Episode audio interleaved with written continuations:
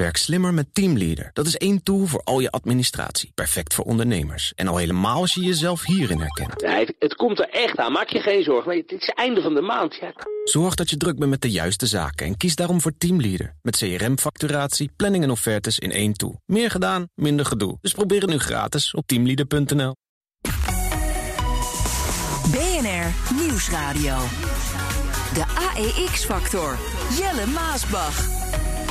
Welkom, je luistert naar de AEX Factor, de podcast voor de slimme beleggen. Waarin we het gaan hebben over Nederland als strenge boekhouder van Europa.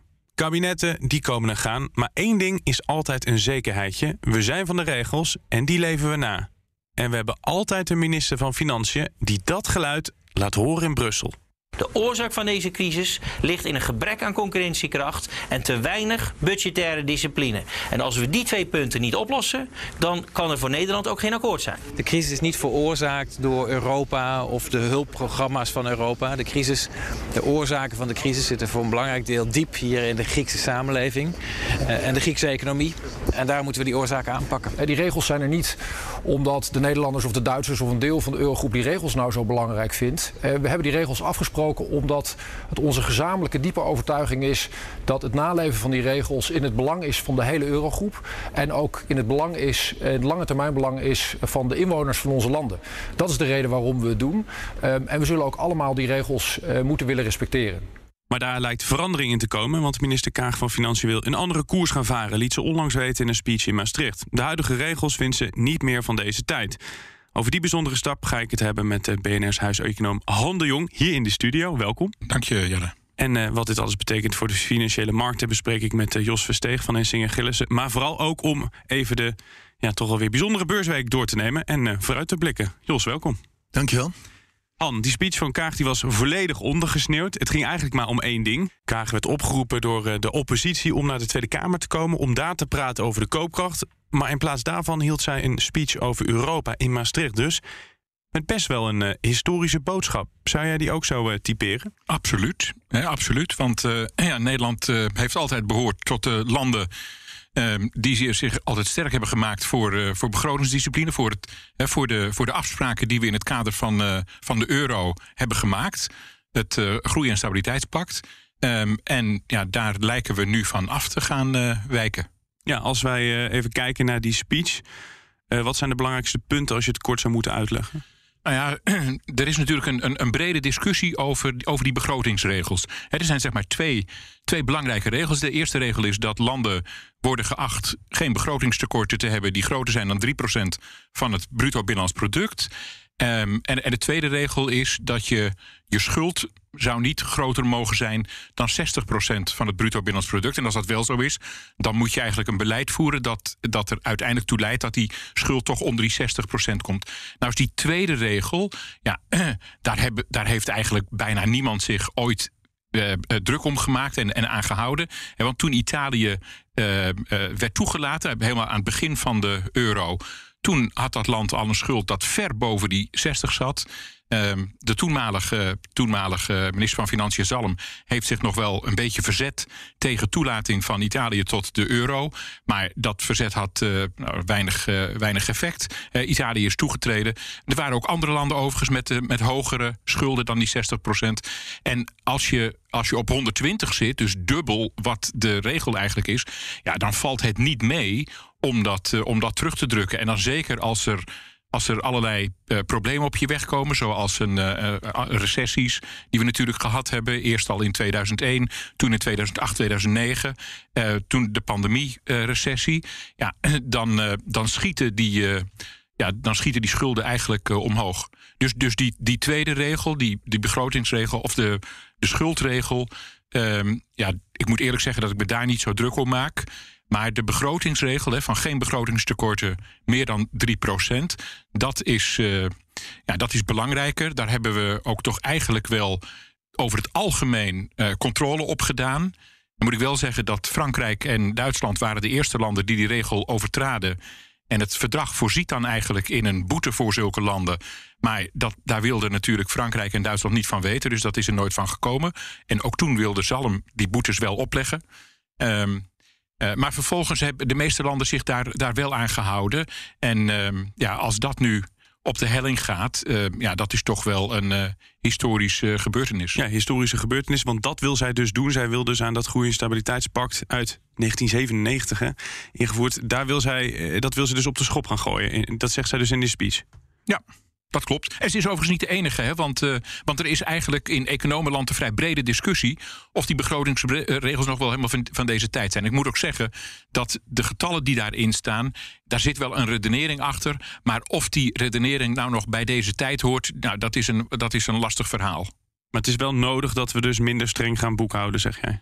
Nou ja, ik, ik vind van niet. Kijk, um, het punt is met dit soort regels dat um, als, je, als je regels eenmaal loslaat Um, ja, weet je, dan ga je ze nooit. Je kunt of loslaten. Je gaat ze niet helemaal loslaten. Dus dan ga je andere regels opstellen. Um, maar uh, het, wordt, het wordt allemaal ruimer. En je gaat dan waarschijnlijk nooit meer weer de strengere kant op. En dat is natuurlijk toch wel een beetje een verlies. Dus uh, wat dat betreft ja, is, is dit toch wel heel erg belangrijk. Want, ja, want, want als je dit gaat doen, hè, dan, dan is de point of no return ja, is meteen gepasseerd. Waarom uh, gaat zij over tot die stap? Want ik heb uh, net ook weer met dat fragment. Je hoorde minister van Financiën van CDA-huizen, van P van de A-huizen. Je haalt Salm aan, een VVD-minister.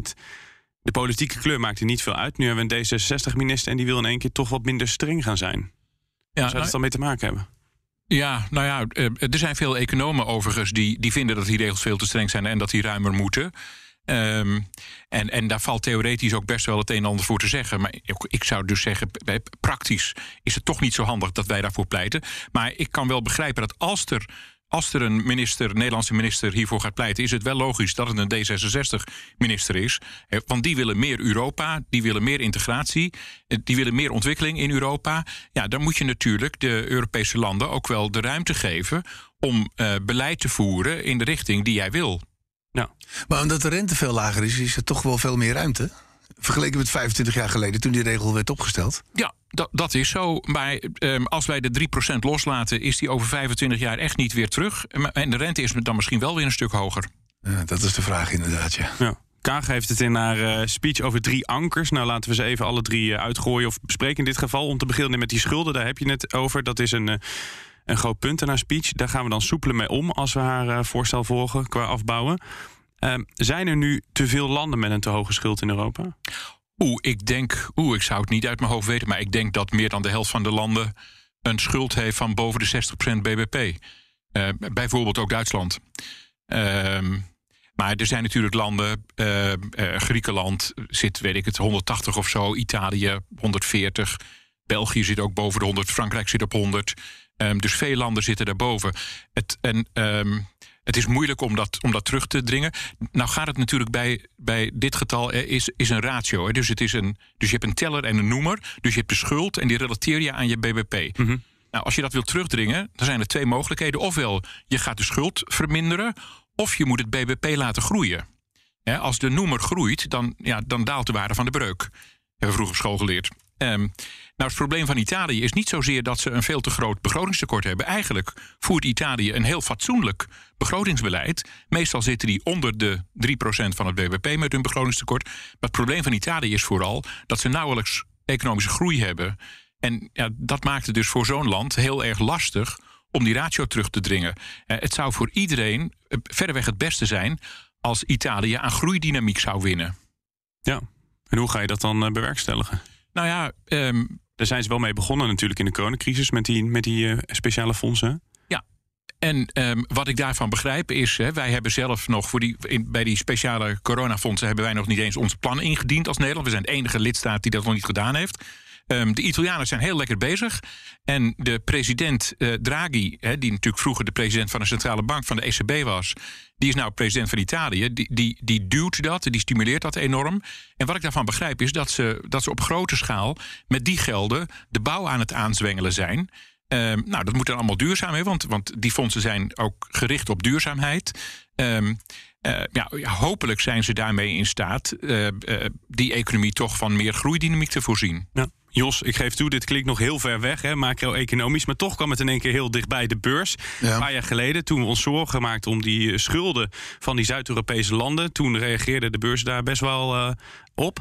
Ja, dat ging voornamelijk via de banken. Banken die hadden heel veel staatsobligaties op hun balans staan. En uh, ja, als die staatsobligaties uh, dreigden niet meer afgelost te worden, kwamen de banken in problemen. En dan moesten die overheden moesten die banken weer bijstaan. En zo kreeg je eigenlijk een vicieuze cirkel. Ja. In het licht daarvan, hoe kijk jij dan naar uh, dit plan van Kaag? Ja, ik, ik denk er zit ook een kant aan van als zij dat wil gebruiken om meer te gaan investeren, zou het heel goed kunnen zijn voor bedrijven. Ik, ik hoorde Handel net zeggen van Italië bruggen gaat bouwen. Nou, dat mogen ze inderdaad wel goed gaan doen. Want er stort er nog wel eens eentje in, uh, had ik begrepen.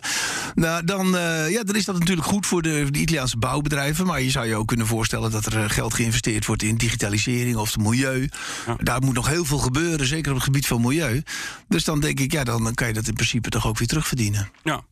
Investeren komen we zo bij. Dat vind ik een interessante hand. Nog even over dit plan, dat schuldenplan. Wat ze ook zegt. Laten we dan minder regels opstellen voor een land met een lage overheidsschuld. Wat moet ik me daar dan uh, bij voorstellen? Is dat wij dan ergens worden gematst?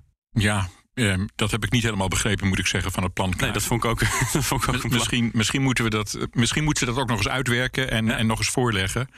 Uh, maar, maar nogmaals, die, dat, dat schulden, die schuldenratio, ehm, daar hebben we daar hebben we echt een beetje. Uh, dat hebben we aan ons laars gelapt in Europa. Dus daar, daar, wordt af en toe al iets over gezegd. Maar. Uh, dus dat landen, ze dat gaan aanpakken. Ja, nou ja, prima. Maar weet je, kijk, uh, als je dus als je eigenlijk al twintig jaar lang te hoge schulden gedoogt. dat is feitelijk wat er gebeurd is. Landen worden er af en toe wel eens op aangesproken, maar er gebeurt verder niks. Um, nou ja, dan kun je die regels veranderen, maar, maar, maar feitelijk heeft dat geen, uh, nee. geen betekenis. we hebben ook niet echt een instrument om, om landen ook echt te dwingen om zich aan de regels te houden. Nou, volgens, ja. nou, volgens het uh, groei- en stabiliteitspact heb je, heb je wel een aantal instrumenten, want je kunt landen uh, boetes opleggen. Maar of dat nou helpt, een boete, daar wordt nou ja, niet veel beter op. Nee, dat is waar. Ja. En volgens mij is dat ook nog nooit gebeurd. Nee. Nee. En dan in het tweede onderdeel, Jos refereerde net aan die investeringen. Uh, daar heeft zij ook een punt van gemaakt. De verschillen tussen landen kleiner maken. Ze zegt dat gaan we doen door forse publieke investeringen. En dan komen we dus bij die bruggen uit, bijvoorbeeld in Italië, die ze willen bouwen. Vind je dat een, een, een goed plan dat ze overgaan ja, tot investeren? Ik verbaas me soms wel eens van als er dan investeren gedacht wordt dat er dan meteen bruggen en treinen en zo verbindingen gemaakt moeten worden. Ja, het is ook, ook belangrijk dat er goede infrastructuur is. Absoluut. Maar ik zou, ja, denk dat er nog heel veel geïnvesteerd moet worden in de energietransitie en digitalisering. Uh, daar, is, de, daar is ook heel veel geld voor nodig. Europa heeft een, een heel interessant plan opgesteld. De, de, een soort Chips Act die er in Amerika ook was. Waarin uh, op het eerste gezicht 45 miljard euro geïnvesteerd zou worden om, om Europa mee te, te stuwen in de vaart der volken. Dat wij 20% marktaandeel zouden krijgen op de semiconductorindustrie. We zijn er in de afgelopen jaren achter gekomen dat semiconductoren strategisch heel belangrijk zijn. Maar als je dat dus verder afpelt, dan blijkt dat Brussel iets van 5 miljard bijdraagt. En uh, de rest moet dan komen van de lidstaten en van bedrijven. Terwijl als je vergelijkt bijvoorbeeld wat, uh, wat er in uh, Amerika geïnvesteerd wordt, daar hebben ze 52 miljard. Dat is echt gewoon toegewezen al. Maar wat er in Azië geïnvesteerd wordt, dat is echt een veelvoud van. Korea heeft het over een aantal jaren over 450 miljard. Als je het over bedrijven hebt, alleen al TSMC, die investeert meer dan 35 miljard dollar per jaar.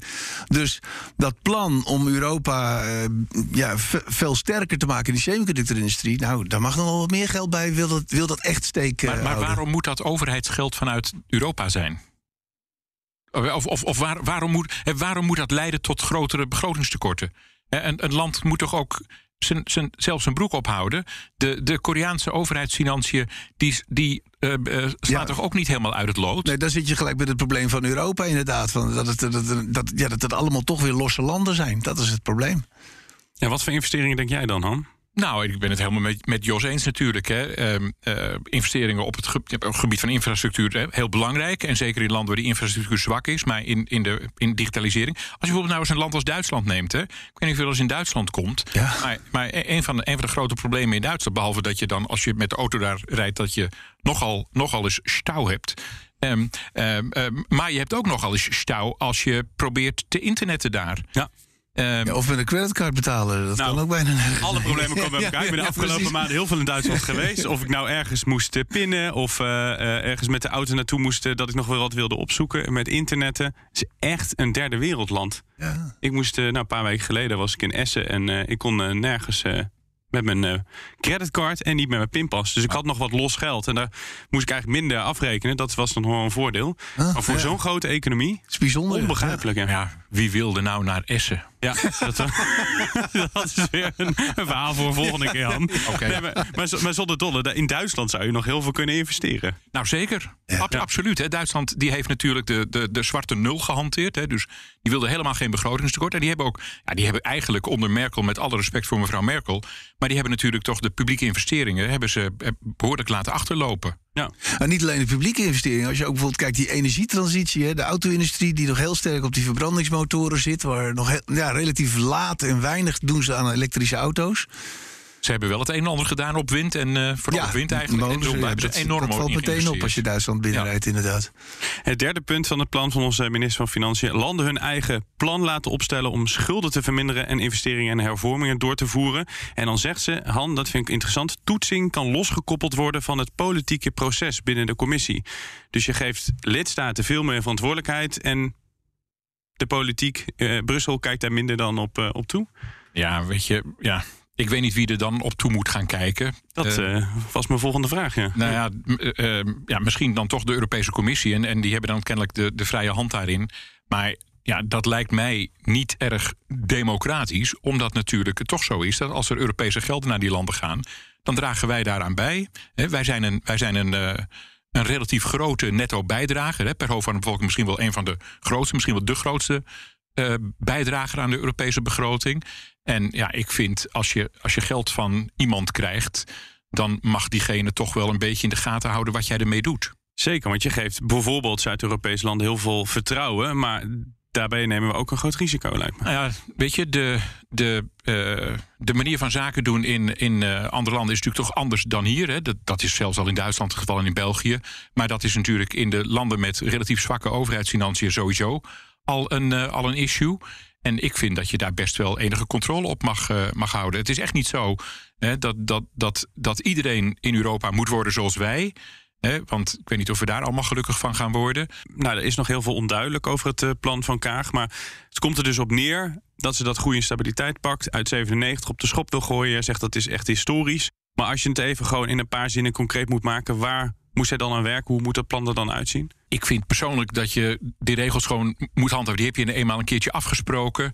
En als je aan regels gaat rommelen en het allemaal soepeler gaat maken, dan ga je het nooit meer uh, strikter maken. En ik, ik zie niet in waarom een mogelijke vergroting, structurele vergroting van overheidstekort en overheidsschuld. Ja, ik zie niet in dat dat ons allemaal gelukkiger gaat maken. Uiteindelijk, hè, als we bijvoorbeeld de energietransitie. Nou, als wij vinden dat we die moeten doen. Ja, dan moeten we ook bereid zijn om ervoor te betalen. En als we dat niet zijn, hè, dan is gewoon de conclusie. En dat is natuurlijk ook eigenlijk een beetje de, het verwijt dat je zo'n plan van Kaag kan maken. Dat is dat ze toch feitelijk de rekening dan doorschuift naar toekomstige generaties. Ook kunnen zeggen, de toekomstige generaties hebben ook de voordelen ervan. Als bijvoorbeeld milieu of die milieutransitie betreft.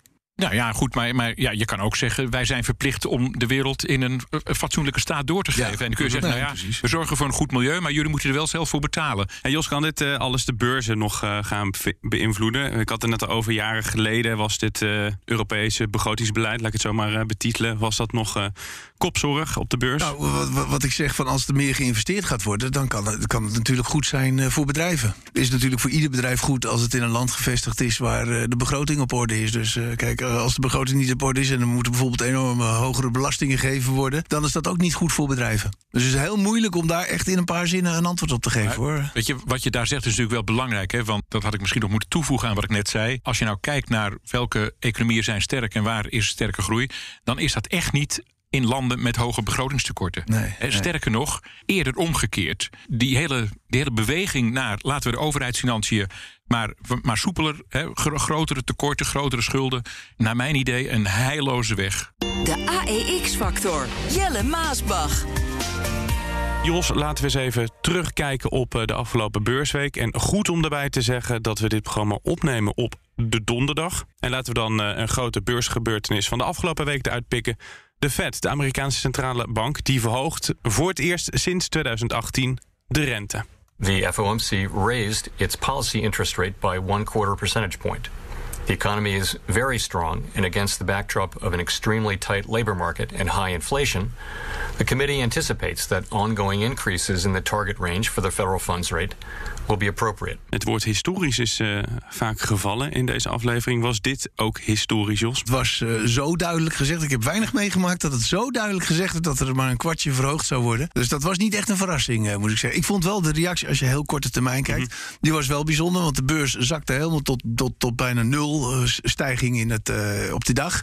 En vanaf het moment dat Paul begon te spreken... gingen we twee, bijna, bijna 2% omhoog. Dus de beleggers waren over het algemeen tevreden met wat er gezegd werd. Het ging deze week natuurlijk ook over de oorlog in uh, Oekraïne. Hoe kan het ook anders? En die raakt beursbedrijven meer en meer. Om te beginnen met uh, Volkswagen. Op het hoofdkantoor zit een taskforce, Jos, van 150 man, zeggen ze, te bedenken hoe ze aan andere leveranciers kunnen komen. nu ze bepaalde onderdelen niet meer krijgen uit Oekraïne. Wordt dat logistieke voor meer bedrijven een probleem, denk je? Ja, we horen, het, het is toch wat je af en toe hoort hoor. Um, vandaag toevallig waren we bezig met uh, dat er mogelijke problemen waren met uh, de levering van neon. Het schijnt dat Oekraïne een belangrijk leverancier is van neon. Dus voor de semiconductorindustrie en dan vooral voor de wat eenvoudigere chips zou dat een probleem kunnen zijn. Maar over het algemeen zijn er toch uh, ja, speldenprikjes her en der. De meeste bedrijven kunnen daar wel zonder. Ik denk waar, waar het, grootste probleem zit, is natuurlijk de, de, de brandstoffen gas en, en olie. Daar zitten echte problemen. Maar over het algemeen zijn het niet landen waar je maar één product vandaan haalt en dat er geen alternatief is. De meeste, de meeste bedrijven hebben hun lesje ook wel geleerd natuurlijk met de sancties die. Uh, uh, Trump, ik was gelukkig bijna zijn naam al vergeten. Trump voor, uh, voor China had, uh, had, had uh, neergezet. Dus de meeste bedrijven waren al toch al een tijdje aan het nadenken om te kijken hoe ze uit verschillende bronnen ja. hun grondstoffen konden krijgen. Goed dat je dat zegt, want door die handelsoorlog zeiden heel veel bedrijven: we moeten onze productie, productie misschien maar, maar dichter ja. naar huis halen, dichter naar Europa. Volkswagen zegt wat interessant. Ze zeggen: we willen productie buiten Europa gaan uitbreiden, omdat het hier nu wat onveilig is. Ja, ze hebben ook wel fabrieken. Bijvoorbeeld naar de Verenigde Staten. Uh, wat ja, zegt dat? ik weet niet of ze in de Verenigde Staten... Er zitten natuurlijk veel buitenlandse autofabrikanten die hebben fabrieken. Toyota weet mm-hmm. ik in, in Amerika. Volkswagen heeft, dat is misschien wat minder uh, interessant voor andere mensen... in Xinjiang, in China, hebben ze een fabriek onder andere... waar ze ook beschuldigd van worden dat er misschien uh, Oeigoeren verplicht aan het werk waren. Dat schijnt niet zo te zijn. Maar een van de grote problemen met, met Rusland van, van de week... had je even een punt, er begon, begon maandag begon de beurs ermee... dat Amerika China beschuldigd dat zij wapens zouden leveren aan, uh, aan Rusland.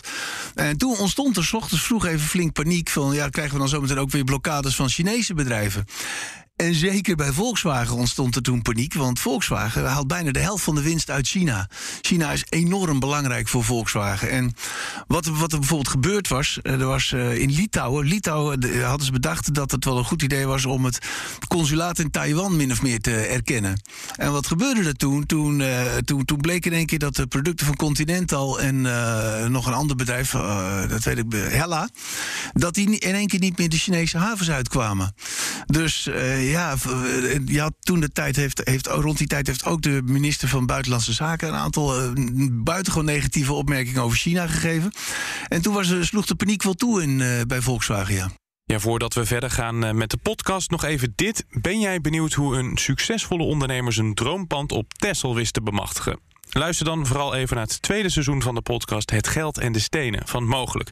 Daarin hoor je ondernemers en investeerders. En die podcast die staat voor je klaar op bnr.nl of in je favoriete podcast-app. Ik, ik, had begrepen uit, uit de krant ook dat, dat heel veel uh, Duitse automobielbedrijven allerlei bedrading uit Oekraïne betrekt, betrekken. Ja, en, en, dat daar een probleem mee is. Ja, ja, er zijn er heel veel problemen. Ook de semiconductoren die, die, die ze niet krijgen. Dus die, daar, daar, zitten, daar zitten veel, wel, wel problemen inderdaad. Maar er zijn maar weinig bedrijven die echt uh, het grootste gedeelte van hun producten uit de Oekraïne halen, volgens mij. Uh. Maar goed, je, je, hoeft maar één onderdeel ja. daar vandaan te halen. En ja. dat komt niet meer. En je hebt natuurlijk een probleem. En die, ik moet zeggen, die Duitse automobielindustrie, ja, dat, dat, dat, dat is toch eigenlijk wel bedroevend of lachwekkend. Die hadden eerst Dieselgate. Nou, Oké, prima. Toen kwamen er andere emissie-eisen. Daar waren ze niet goed op voorbereid. En toen daalde de productie. Um, vervolgens bleek dat ze met elektrische auto's eigenlijk sterk achter waren gebleven. Eh, vervolgens hadden ze een tekort aan chips. En nu hebben ze weer een tekort aan bedrading. Het Ja, is, ze hebben zitten slapen eigenlijk. het is het ene probleem naar het andere. Dat was opvallend als je kijkt naar wat, wat Tesla bijvoorbeeld had. Tesla had een productiestijging van, bij- van bijna 90% vorig jaar. En de, de, de, de rest van de auto-industrie had min 5%. Nou, dat kwam omdat Tesla een veel, veel eh, s- eh, flexibeler pro- productieplatform had. Zij konden bepaalde semiconductoren die ze niet konden krijgen... vervangen voor andere s- semiconductoren. En dat via de software eh, herstellen. En ja, zo geavanceerd zijn die, die Duitse eh, automobielfabrikanten niet op technologisch gebied. Dat is meer, gaat meer om die verbrandingsmotor, maar niet om de, de computerelektronica. Voor alle Duitse luisteraars, we houden nog steeds van Duitsland. Maar Ja, hè, zeker. Duitsland is als een rode draad nu in deze aflevering. Tuurlijk. Nou ja, maar ik, ik rijd zelf in een Duitse auto. Dus, eh, Hey, over Duitsland gesproken. Intel opent daar een grote fa- fabriek. Ja, dat klopt. Eh, en toen eh, zag ik een bericht van, oh, daar kan ASML wel eh, van mee profiteren. Ja, nou, dat, dat zit allemaal wel in de, in de gedachtegang van de, van de meeste mensen. Dat er inderdaad ja, gewoon in de komende jaren heel veel geïnvesteerd gaat worden. En ASML zegt ook dat ze daar extra van investeren. Dat nu elk land of elke regio zelf, eh, het liefst zelfvoorzienend wil worden.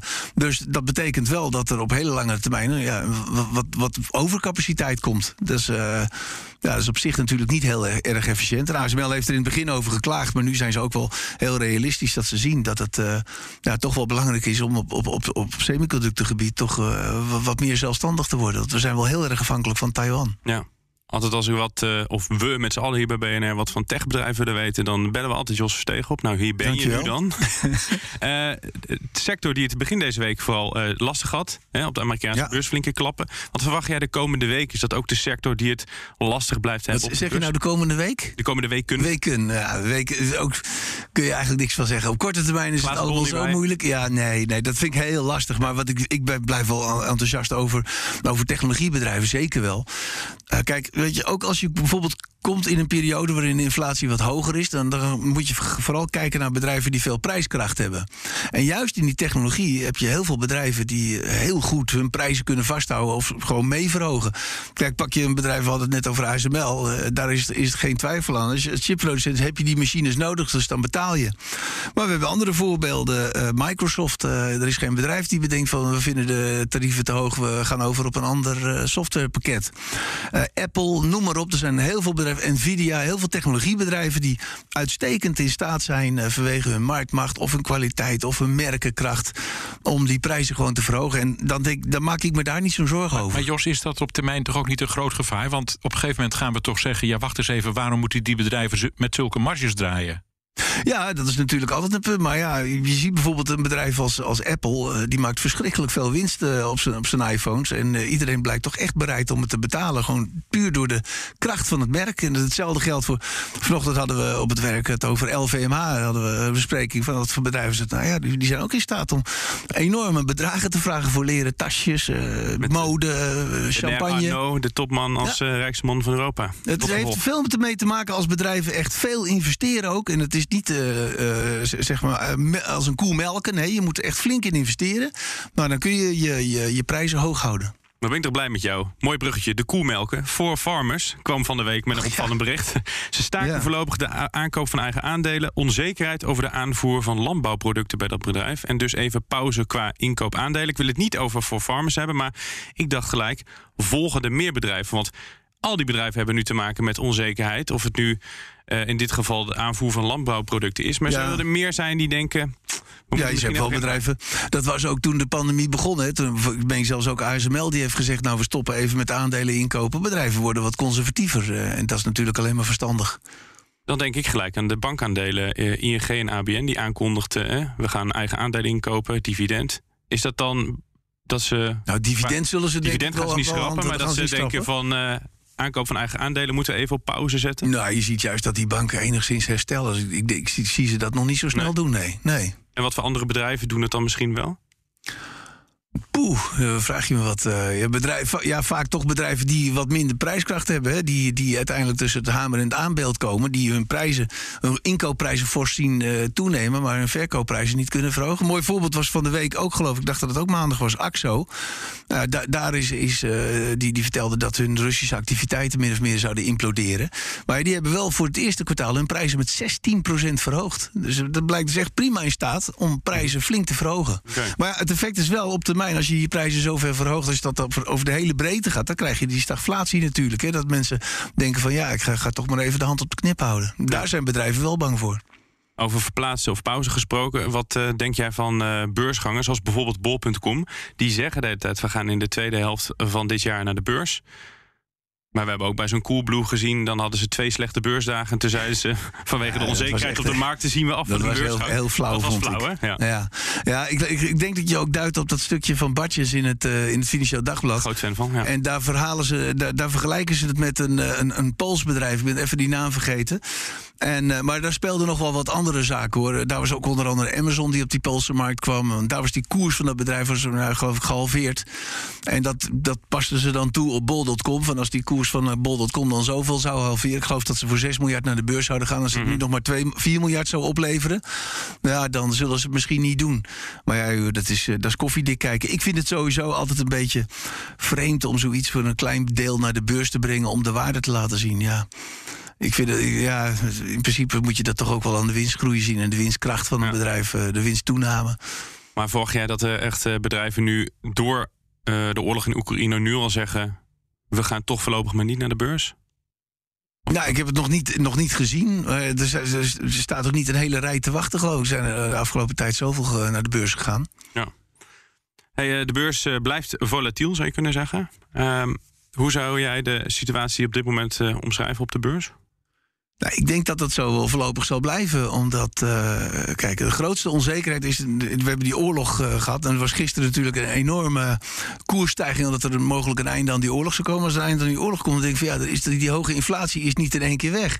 En ik denk dat de beurs, eh, de beleggers daar de komende maanden wel naar blijven kijken. Gisteren hadden we de inkoopprijzen in Amerika, de PPI...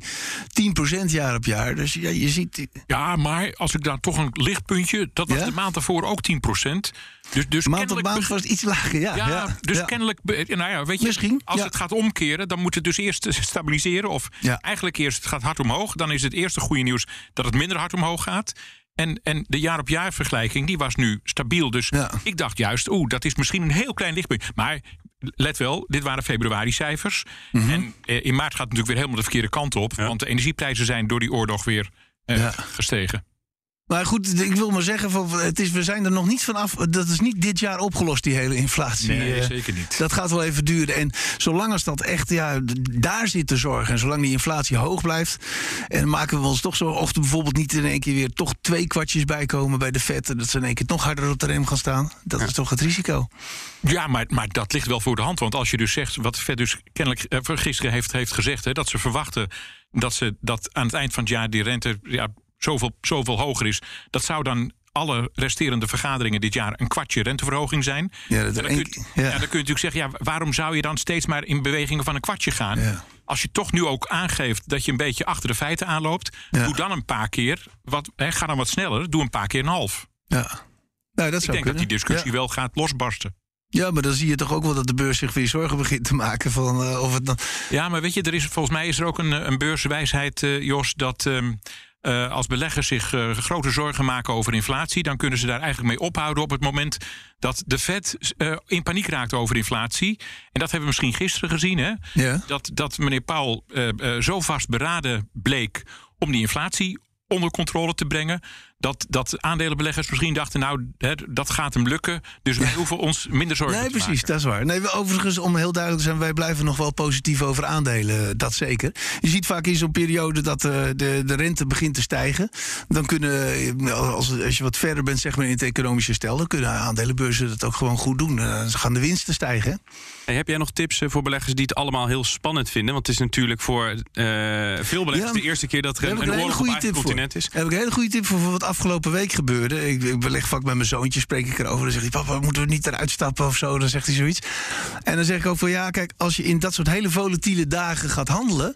dan heb je een enorme kans dat je een enorme misser maakt. Want eh eergisteren waren de koersen fors naar beneden. Gisteren hadden we een dag van 2,5% hoger. Semiconductorenfondsen gingen bijna 10% omhoog.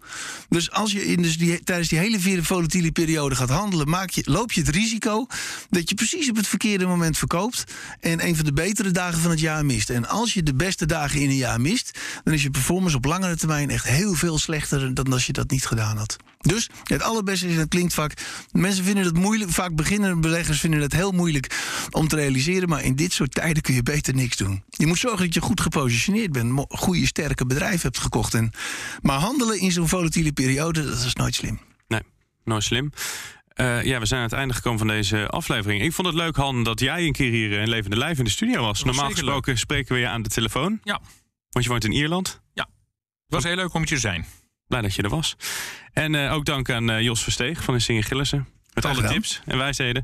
En volgende week dan zijn we er weer. In de tussentijd, mocht je ons missen, kan je nog andere afleveringen luisteren. Zoals uh, die over een mogelijke recessie in Europa van onlangs. Bedankt voor het luisteren.